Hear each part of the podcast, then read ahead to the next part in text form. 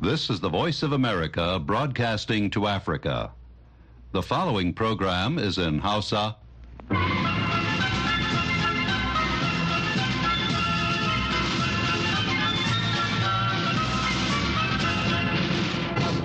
Sashen Hausa na murya Amurka ke magana daga nan birnin Washington DC.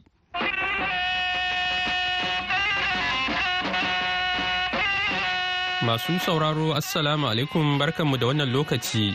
Muhammad Hafiz Baballe ne tare da Mahmud Lalo da sauran abokan aiki muke farin cikin gabatar muku da wannan shirin na rana a yau Laraba 21 ga watan Fabrairu na shekarar 2024.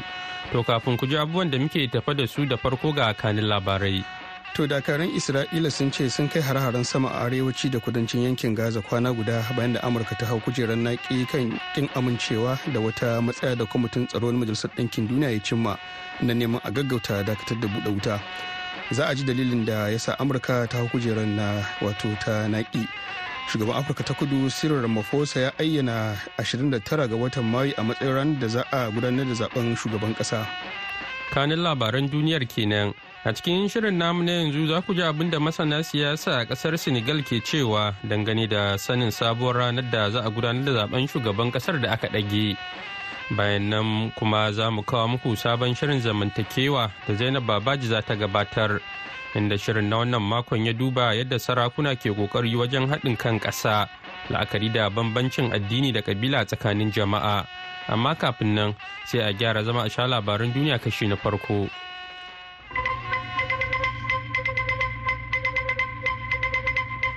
To jama'a assalamu alaikum. Dakarun Isra'ila sun faɗa a yau laraba cewa sun kai har-haren sama a arewaci da kudancin yankin Gaza. Kwana guda bayan da Amurka ta hau kujerar naki kan kin amincewa da wata matsaya da kwamitin tsaro na Majalisar Ɗinkin Duniya ya cimma na neman a gaggauta dakatar da buɗe wuta. A kuma ƙara yawan kayan agaji da ake kaiwa yankin na Gaza da kuma dakatar da tilastawa Falasɗina ficewa daga inda suke neman mafaka. sojojin na isra'ila sun ce sun halaka dozin dozin din mayaƙan hamas a hare-haren ciki hadda wanda suka kai yankin khan yunis da ke wani yankin kudancin zirin na gaza demanding an immediate, unconditional ceasefire without an agreement requiring Hamas to release the Jakadar Amurka a Majalisar Ɗinkin Duniya Linda Thomas Greenfield kenan take cewa neman a dakatar da buɗe wuta ba tare da an cimma wata matsaya kan yadda Hamas za ta saki mutanen da take garkuwa da su ba, ba zai samar da zaman lafiya ba. ma'aikatar lafiya a gaza ta ce da ke ƙarƙashin kulawar ƙungiyar ta hamas ta ce mutum 118 ne suka mutu cikin yini guda lamarin da ya kai jimallar mutanen da suka halaka zuwa 29,313 yayin da wasu 69,333 suka ji rauni tun bayan da a yaƙin ya barke a watan oktoba. An da ya kwashe makonni amurka masar da qatar da isra'ila suna ta tattaunawa da zumar ganin an saki dukkan mutanen da ake garkuwa da su da kuma yadda za a dakatar da buɗe wuta a yankin. A yau laraba dakarun ukraine sun ce rasha ta kai wasu hare-hare da jirage mara matuka sha tara hade da wasu makamai masu linzami. Sai dai sojojin saman ƙasar ta ukraine sun ce sun harbo sha uku daga cikin jiragen sannan sun kakkaɓa wasu makaman rashar masu linzami da dama. Jiragen mara matuka a cewar dakarun ukraine an kakkaɓo su ne a yankunan kharkiv da dnipropetrovsk da zaporozhye da ke yankin donetsk. Wani al'amari ya faru ne kwana guda bayan wata ganawa da sakataren tsaron amurka led austin ya yi da ministan tsaron wato ministan ukraine rostin umrov ta wayar tarho kan ci gaban da ake samu a yaƙin kamar yadda ma'aikatar tsaron amurka ta pentagon ta faɗa. A ranar talata shugaban ukraine volodymyr zelensky ya yi lalemar habin da wani tallafin kayan soji da sweden ta ba ƙasar waɗanda kuɗinsu ya kai dala miliyan 683 tallafin na sweden na zuwa ne yayin da ake ci gaba da kairuwar rana kan sabon agajin da amurka take so ta aika wa ƙasar ta ukraine wanda yake fuskantar turjiya a majalisar wakilai been warning Congress that if they didn't act, Ukraine would suffer losses on the battlefield, and here you go. Kakakin Majalisar Tsaron Amurka John Kirby kenan yake cewa muna ta yi wa Majalisar Dokokin gargaɗi cewa idan har ba su sauya matsayarsu ba, rayukan 'yan Ukraine da dama za su salwanta a fagen daga. Shugaban afirka ta kudu cyril ramaphosa ya ayyana 29 ga watan mayu a matsayin ranar da za a gudanar da zaɓen shugaban kasa rahotanni na nuni da cewa akwai yiwuwar jam'iyyar anc da take ta mulki a ƙasar tun bayan zaɓen da aka yi a lokacin ware launin wato mulkin wariya a shekarar 1994 ta rasa rinjayenta a majalisar dokoki. Sakamakon kuri'ar jin ra'ayin jama'a da aka yi da dama ya nuna mutane sun fara dawowa daga rakiyar jam'iyyar ta anc inda alkalama suka nuna farin jininta ya gaza kashi 50 cikin 100 karuwar matsalolin aikata manyan laifuka afirka ta kudu da rashin ayyukan yi da matsalar ƙarancin wutar lantarki da kuma matsalar cin hanci da rashawa da ta haɗo har da zamanin mulkin jacob zuma duk sun taimaka wajen rage tagomashin jam'iyyar ta anc dai jam'iyyar da ta samu wurin jaye a zaɓen majalisar dokoki mai kujeru 400 ita za ta zaɓi shugaban ƙasa. Shirya ramaphosa na neman wa'adi na biyu ne mai tsawon shekaru biyar. To madalla kafin ku je ƙarashen labaran za mu fara kawo muku rahotonmu na farko. A kowane lokaci daga yanzu masu kada ƙuri'a a senegal na iya sanin lokacin da za a gudanar da zaɓen shugaban ƙasar. An shirya gudanar da zaɓen ne a ranar 25 ga watan fabrairu kafin kwatsam shugaba Macky Sall ya ɗage zaɓen da majalisa ta amince. Amma a ranar talata an samu ci gaba a fannoni biyu. Na ɗaya sha biyar daga cikin ashirin na 'yan takarar sun amince su shiga zaɓen da suka kira a yi shi kafin ranar biyu ga watan afrilu ranar da ake sa ran shugaba sal zai bar kan karagar mulki. Na biyu majalisar tsarin mulkin ƙasar ta buga sunayen 'yan takarar da suka cika sharaɗin shiga zaɓen tare da ɗan canji kaɗan. Kan harkokin siyasa a senegal ibrahima kane ya shaida abokin aikin na sashen ingilishi james botti cewa majalisar tsarin mulkin ƙasar ta yi daidai kan kin amincewa da ƙara sabbin 'yan takara I have the right to appeal to the public or to the... Suna da 'yancin su buƙaci al'umma ko hukumomin da suka dace su ɗauki mataki kan karawarsu a zaɓen. To sai dai kuma majalisar kolin ta riga ta fito da sunayen waɗanda za su tsaya takara. Kuma a tunanina majalisar ba za ta sake ba damar yin rijista ba. Ina ganin wannan ƙofar ta rufe kuma duk waɗanda sunansu baya cikin jerin sunayen to sai dai su jira nan zuwa shekaru biyar kafin a dama da su. The next five years to prepare their participation. But let me ask you about the call by these candidates. Amma bari na tambaye ka, shin kana ga zai iya yiwuwa a gudanar da zaɓen nan da ranar biyu ga watan Afrilu kamar yadda sauran 'yan takarar ke kira a yi? Well, apparently it's possible if they shorten To bisa ga dukkan alamu dai wannan mai yiwuwa ne idan za a takaita lokacin gangamin zaɓe. Kasan cewa mu a Senegal makonni uku ake ɗiba ana yin gangamin yaƙin neman zaɓen shugaban ƙasa. 'Yan majalisu ko makonni biyu sannan mutane su yi imani cewa kamar yadda ake yaƙin gangamin neman zaɓen 'yan majalisa cikin makonni biyu za a yin iya yin haka da na shugaban ƙasa. Sai dai tambayar a nan ita ce yaushe ya kamata a ƙaddamar da gangamin akwai rukunin mutanen da ke da kwarin gwiwa cewa za a iya kaddamar da gangamin zaɓen makon gobe wanda zai ba dama a gudanar da zaɓe tsakanin ranar goma ga watan maris ko sha bakwai ga watan maris. Kasan a senegal zagaye biyu ake yi na zaɓe. Sannan za a iya zagayen zaɓen na mako biyu ɗaya kafin a miƙa ragaman mulki ga zaɓen shugaban ƙasa. Kuma idan hakan ya tabbata yana nufin cewa maki sal ne zai miƙa ragaman mulki ga sabon zaɓen shugaban ƙasa. Kuma ina kyautar da cewa mai yiwuwa wannan shine abin da shugaban ƙasar yake shirin sanarwa 'yan ƙasa gobe don sai sun sanya doka akan hakan. Yanzu dai suna ci gaba da cintaɓa masu ruwa da tsaki saboda haka ina kyautar da zaton cewa zai tabbata. Dalili ko shine idan ba a samu damar yin zagayen zaɓe na farko a ranar 17 ga watan maris ba hakan na nufin cewa za a rantsar da sabon zaɓen shugaban ƙasa bayan biyu ga watan afrilu. Kuma zuwa wannan ranar wa'adin maki sal ya ƙare kuma ya sauka. Idan kuma hakan ne ya tabbata dokar ƙasa ta tanadi cewa bayan ƙarshen wa'adin maki sal kakakin majalisar ƙasar ne zai karɓi ragaman mulkin ƙasa tsawon watanni uku. Sannan kakakin majalisar zai yi duk shirye-shiryen da suka dace cikin wannan lokaci. To amma kuma kowa yana so a gudanar da zaɓen kafin ƙarshen wa'adin maki sal domin yin hakan na nufin muna kan tsarin kundin tsarin mulkin ƙasar da tanadar a lokacin zaɓe. We are still in the time frame of the constitution.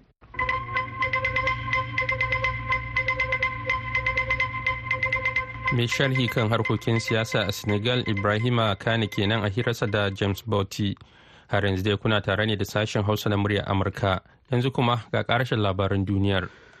Mazauna kudancin jihar puebla a ƙasar mexico na zaman zulumi yayin da wani dutsen da ake kira popocatepeti ya fara fitar da hayaki a yau laraba.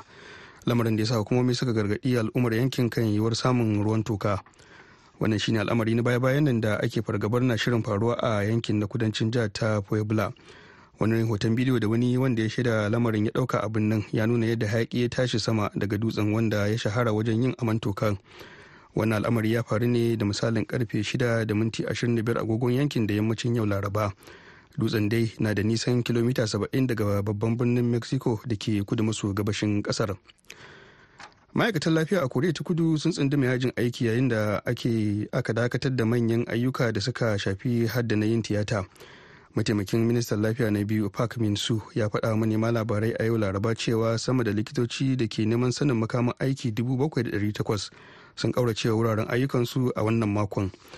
Ya kara da cewa wani adadi kuma da yawansa ya kai 8,816 wato kashi 70 cikin 100 na likitocin sun miƙa takardunsu na barin aiki.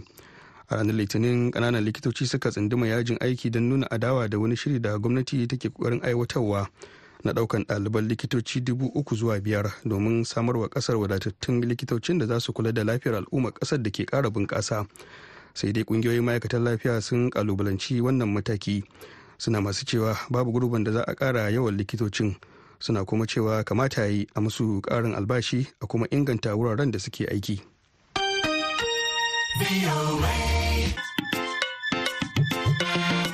Mahmud Lalo kenan ya karanto mana labaran duniya daga nan sashen Hausa na murya Amurka a birnin Washington DC. Madalla, wannan shirin na zuwa muku ne daga nan sashen Hausa na murya Amurka a birnin Washington DC akan mitoci 1625 da kuma 31. a jamhuriyar Nijar kuma za a iya samun matashar ta BOA Africa a kan mita 200.5 zangon FM. Ha kuma a yaushe ake so za a iya zuwa shafinmu na intanet a boahausa.com domin samun labarai da dumudumin su. Yanzu kuma ga shirinmu na gaba. Shirin zamantakewa ne kowa ya zo ya saurara don na san akwai abun mora. Zo a sasanta Masu sauraron mu barkanmu da sake saduwa a shirin zamantakewa na wannan mako. Shirin da ke tattaro masu ruwa da tsaki don tattaunawa kan matakan samar da zaman lafiya haɗin kan ƙasa da ci gaban al'umma. Zaman lafiya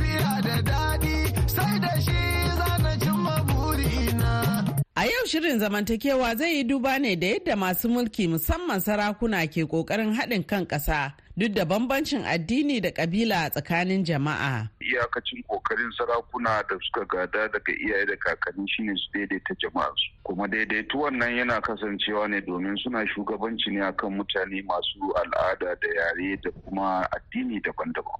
To dole sai sun kasance mutane shugabanni a tsakaninsu wanda za su yi wannan shugabanci da amana.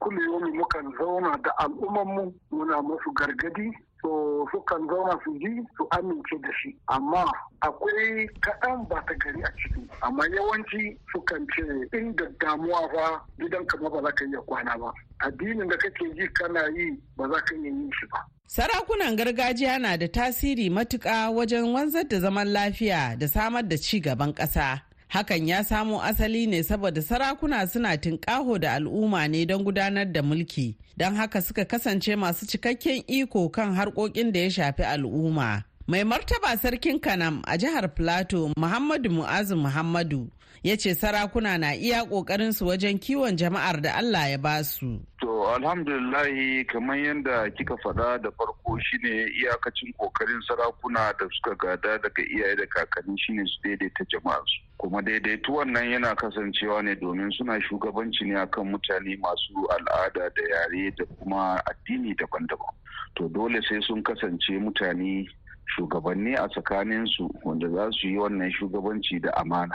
To rashin wannan shi yake kawo wani damuwan da ake ciki. Bayan da za a samu sarki ya zama shi sarki ne a kabila guda ɗaya yare iri ɗaya. To kuma in ya karkata ya ba da goyon bayan shi da kuma mika wuyansa ma yarensa to tabbas ko ma jama'an da suka shafe shi na kusa da shi to dole ne za a samu kuskure a abin da ake ciki. Ya nuna adalci ba zai zo ciki ba kenan. To saboda haka dole ne shugabanni musamman sarakuna su koma abin da suka gada daga kan iyaye da kakanni. In suka koma nan kuma suka daidaita mutane suka ɗauke su abu ɗaya.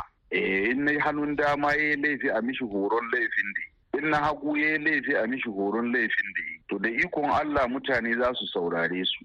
To amma ana yin wannan ƙoƙarin sai dai mu ba mu samun goyon baya ne da sakewa a sakan mana mara. Daga wajen gwamnatoci domin su da yawa yawan lokaci suna ganin presence in sarakuna yana undermining ko intimidating in positions nasu. Kuma sarakunan nan su ba yin siyasa ba ne kuma ba za su yi siyasa ba. Ba wani basaraken da yake neman ya zama gwamna. Babu basaraken da yake neman ya zama kwamishina. Babu basaraken da yake neman ya zama shugaban kasa ko minista. Amma da moment an sami wa'innan to shi haɗa kai yake yi da su su yi aiki. amma takamamme wani sakin mara kuke buƙata musamman sarakuna a arewacin najeriya musamman? Hajiya zainab rayuwar nan da ake ciki ba ni bakon najeriya ba ne ke ma ba bakon najeriya ba ne kin ga abin da sarakuna suke shiga ciki. Duk wa'innan abubuwan nan jiya haka ne. Sarakunan nan jiya su ne shugabannin security. Lokacin da ake native authority iyayenmu da kakanninmu su ne sarauta su ne hukuma. Suna zakulo mutane daga ko'ina. Yau kana kama mai laifi ka bayar zai samu connection da wani babba a wani wuri. Shikenan an hunting in sarkin. To amma aka ce tsaron nan ya tashi ya daga hannun camomi ya dawo hannun sarakuna. An yarda cewa su je su implementing tsaro kamar yadda jiya suke yi a kasashensu. Ai jiyan ana zaune lafiya. To amma yau za ki you finally za ki yi wahalan samun shugaban karamar hukuma a karamar hukuma sama da wata biyu zuwa uku. Kuma shine chief security na karamar hukuman. In kan kira kamitin na security kai memba ne kawai. To irin wa'innan sakin marar muke magana. Kamar yadda ake faɗa ne yanzu duniya ya zama wani irin abu daban. Yanzu kowa na cikin wani hali daban. To a gwada sarakunan mana a ba su daman da ya kamata a ba su. A ga abin da Allah zai yi mana. Sarki baya karɓan haraji balle ya san mutanen shi. Yanzu sarki baya yin jangali balle ya san ruga nawa ne ake da shi. Suwa suka zo sabi? Hatta hakimin zaka nada ko dakaci komi cancantan shi aka yi aka kai sunan shi sai in an gwamnati ta yarda ta ba da approval. Da Nigerian law ne bai favorin namu ba. To ranka ya daɗe daga ƙarshe dai yaya za a warware wannan takaddama ta yadda za a samu wato sarakuna su iya gudanar da aikinsu yadda ya kamata sannan kuma a zauna lafiya. A bar sarakuna hajiya a bar sarakuna su yi zaman abin da suka gada.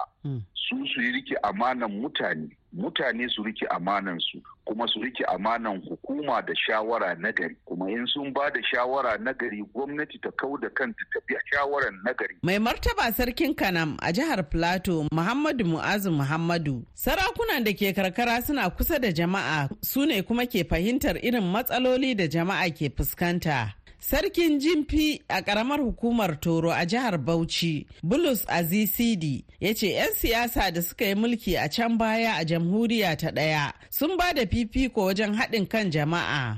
Sa Ahmadu Bello shi ne premier na farko shi ne na ƙarshe. Amma kika duba malama duka yawancin abubuwan da kike gani a arewacin ƙasar nan. Mutumin nan shi kaɗai ya yi su.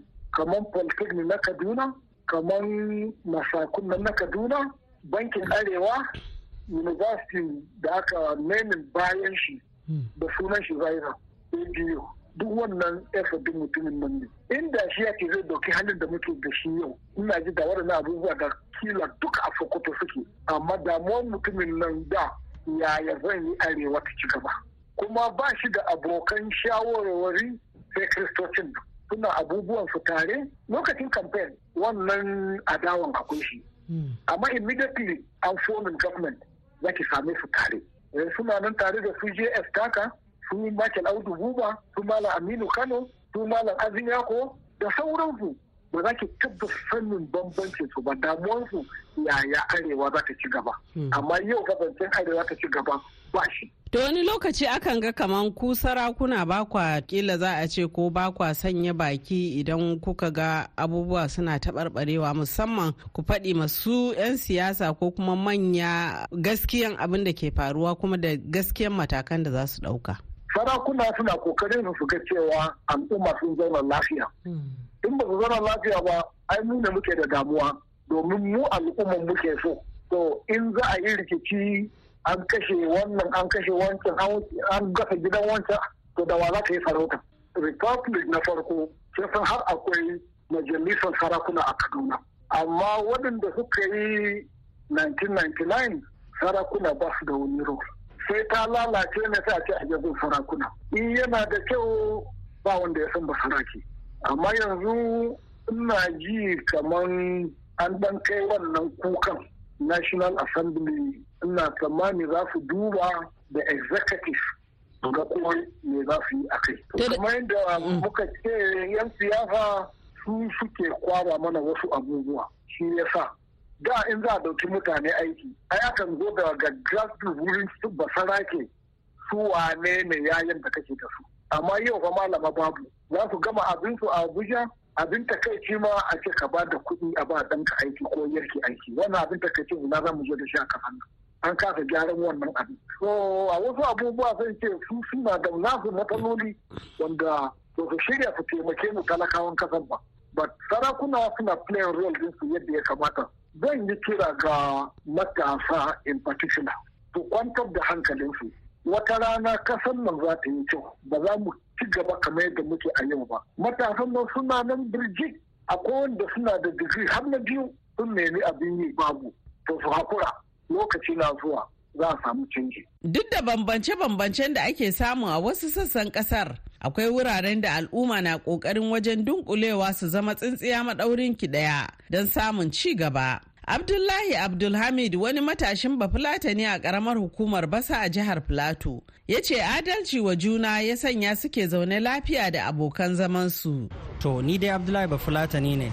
Shawarwari ne ga da nake so in bayar wanda za a kai wa shi gwamnati. Domin ta nan ne kawai za mu iya magana da gwamnati. To, hajiya kin ga sincerely speaking idan muna son ƙasanmu ta zauna lafiya kuma mu samu ci gaba abu na farko shine sai mun cire kabilanci idan muka cire kabilanci to in allah ya yarda za a samu sauƙi tsakanin musulmi da kilista su fahimci cewa duka addinan nan na allah ne sa'an nan mu so junanmu mu mutunta junanmu mu mutunta addinin junanmu to in allah yarda in aka bi wannan hanya za a iya samun nasara. Sa'an nan abu na biyu wato mu fulani wallahi mun shiga wani hali wanda kai na kuncin rayuwa wanda kuma bai kamata ya zama haka ba. Duk wata kabila da ka sani a rayuwa babu wanda ba su da mutane lalatattu a ciki. Amma idan aka samu ba fulatani ɗaya biyu an kama su yi wani abu sai a ce dukkan fulani. Kaga wannan ba a yi wa masu kyan adalci ba. Yau fa rayuwar nan idan babu ilimi aka bar 'ya'ya suna zaune makarantu ba a babu, babu ba a tura su makaranta wallahi za mu samu damuwi yanzu idan ka duba primary schools gaba ɗaya za ka tamu religion zai magana akan two religion islamic studies da christian religion. Za ka samu wannan addinan duka mun zubar da su. Za ka samu daga daycare zuwa nursery zuwa primary school malaman addinin islamic babu su malaman christianity babu su yara sun tashi ba a gina tsoron allah a zuciyoyinsu. Sa'annan primary school ma an bar su yara sai dai su je su wuni salle kawai su dawo. Za ka samu primary school gaba ɗaya ka samu headmaster kawai kila malami ɗaya. Well ga yara da ya kamata a biyu da wannan yaran fa su ne duniya. Idan aka gina rayuwarsu an karantar da su tsoron allah.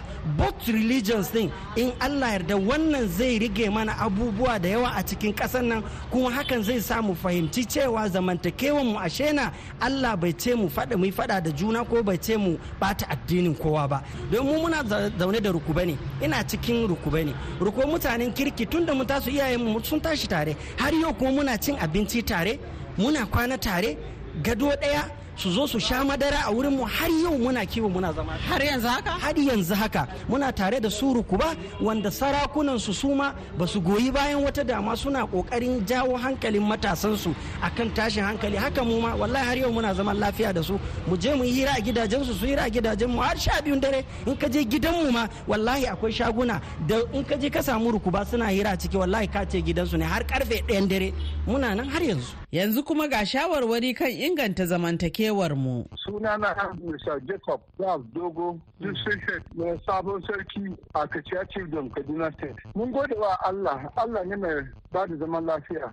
Wasu abubuwan da muke yi don mu kara ba kanmu zaman lafiya shine muna taruwe-taruwe da mutane jama'a daban-daban stakeholders. Muna mitin da fulani da hausa da ibo duka waɗanda sun settlers a sabon sarki district. To idan kuka zauna ɗin nan me kuke tattaunawa wanda yake kawo zaman lafiya? Harshe da hakori suna saba ma juna amma ba su rabu ba. So za mu iya mu saba ma juna amma tunda allah ya hada mu muna zama guri ɗaya sai mu manta da bambanci mu zama sun sha madaurin mu ɗaya in mun ta ya taka wani a yadda za a yi sulhu. To amma um, al'umma nan suna fahimtar cewa ya kamata a yi wannan zaman lafiya. Sosai al'umma suna ba da goyon baya. Shi gwamna na Kaduna State da shi sarkinmu a gwam Kuciya da DPO na Kuciya da sauran sarakuna suna aiki na zaman lafiya. Ba su barci komai dare muna ba su report abubuwan da ke faruwa kuma su ba mu shawarwari. Sunana Hauwa Danjuma Bello. Zamantakewa na al'umma shine zama cikin yarda da kuma amana. Ba cuta ba cutaswa. Zaman lafiya ƙauna ba nuna bambancin addini ba nuna bambancin siyasa ba nuna bambancin ƙabila ba kuma nuna bambancin ni na fika ko kai kafi ne amma mu ɗauka duka yadda Allah ya halicce mu yana ƙaunar mu haka kuma mu ma mu ƙaunaci juna.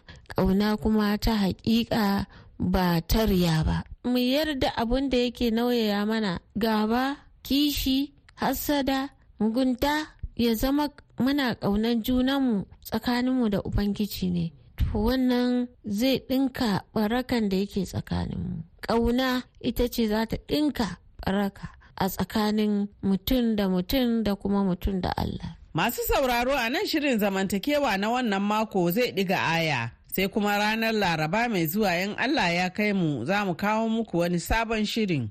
Yanzu a madadin dukkan waɗanda suka taimaka wajen haɗa hancin shirin. Ni da na gabatar Zainab Babaji nake cewa mu huta lafiya.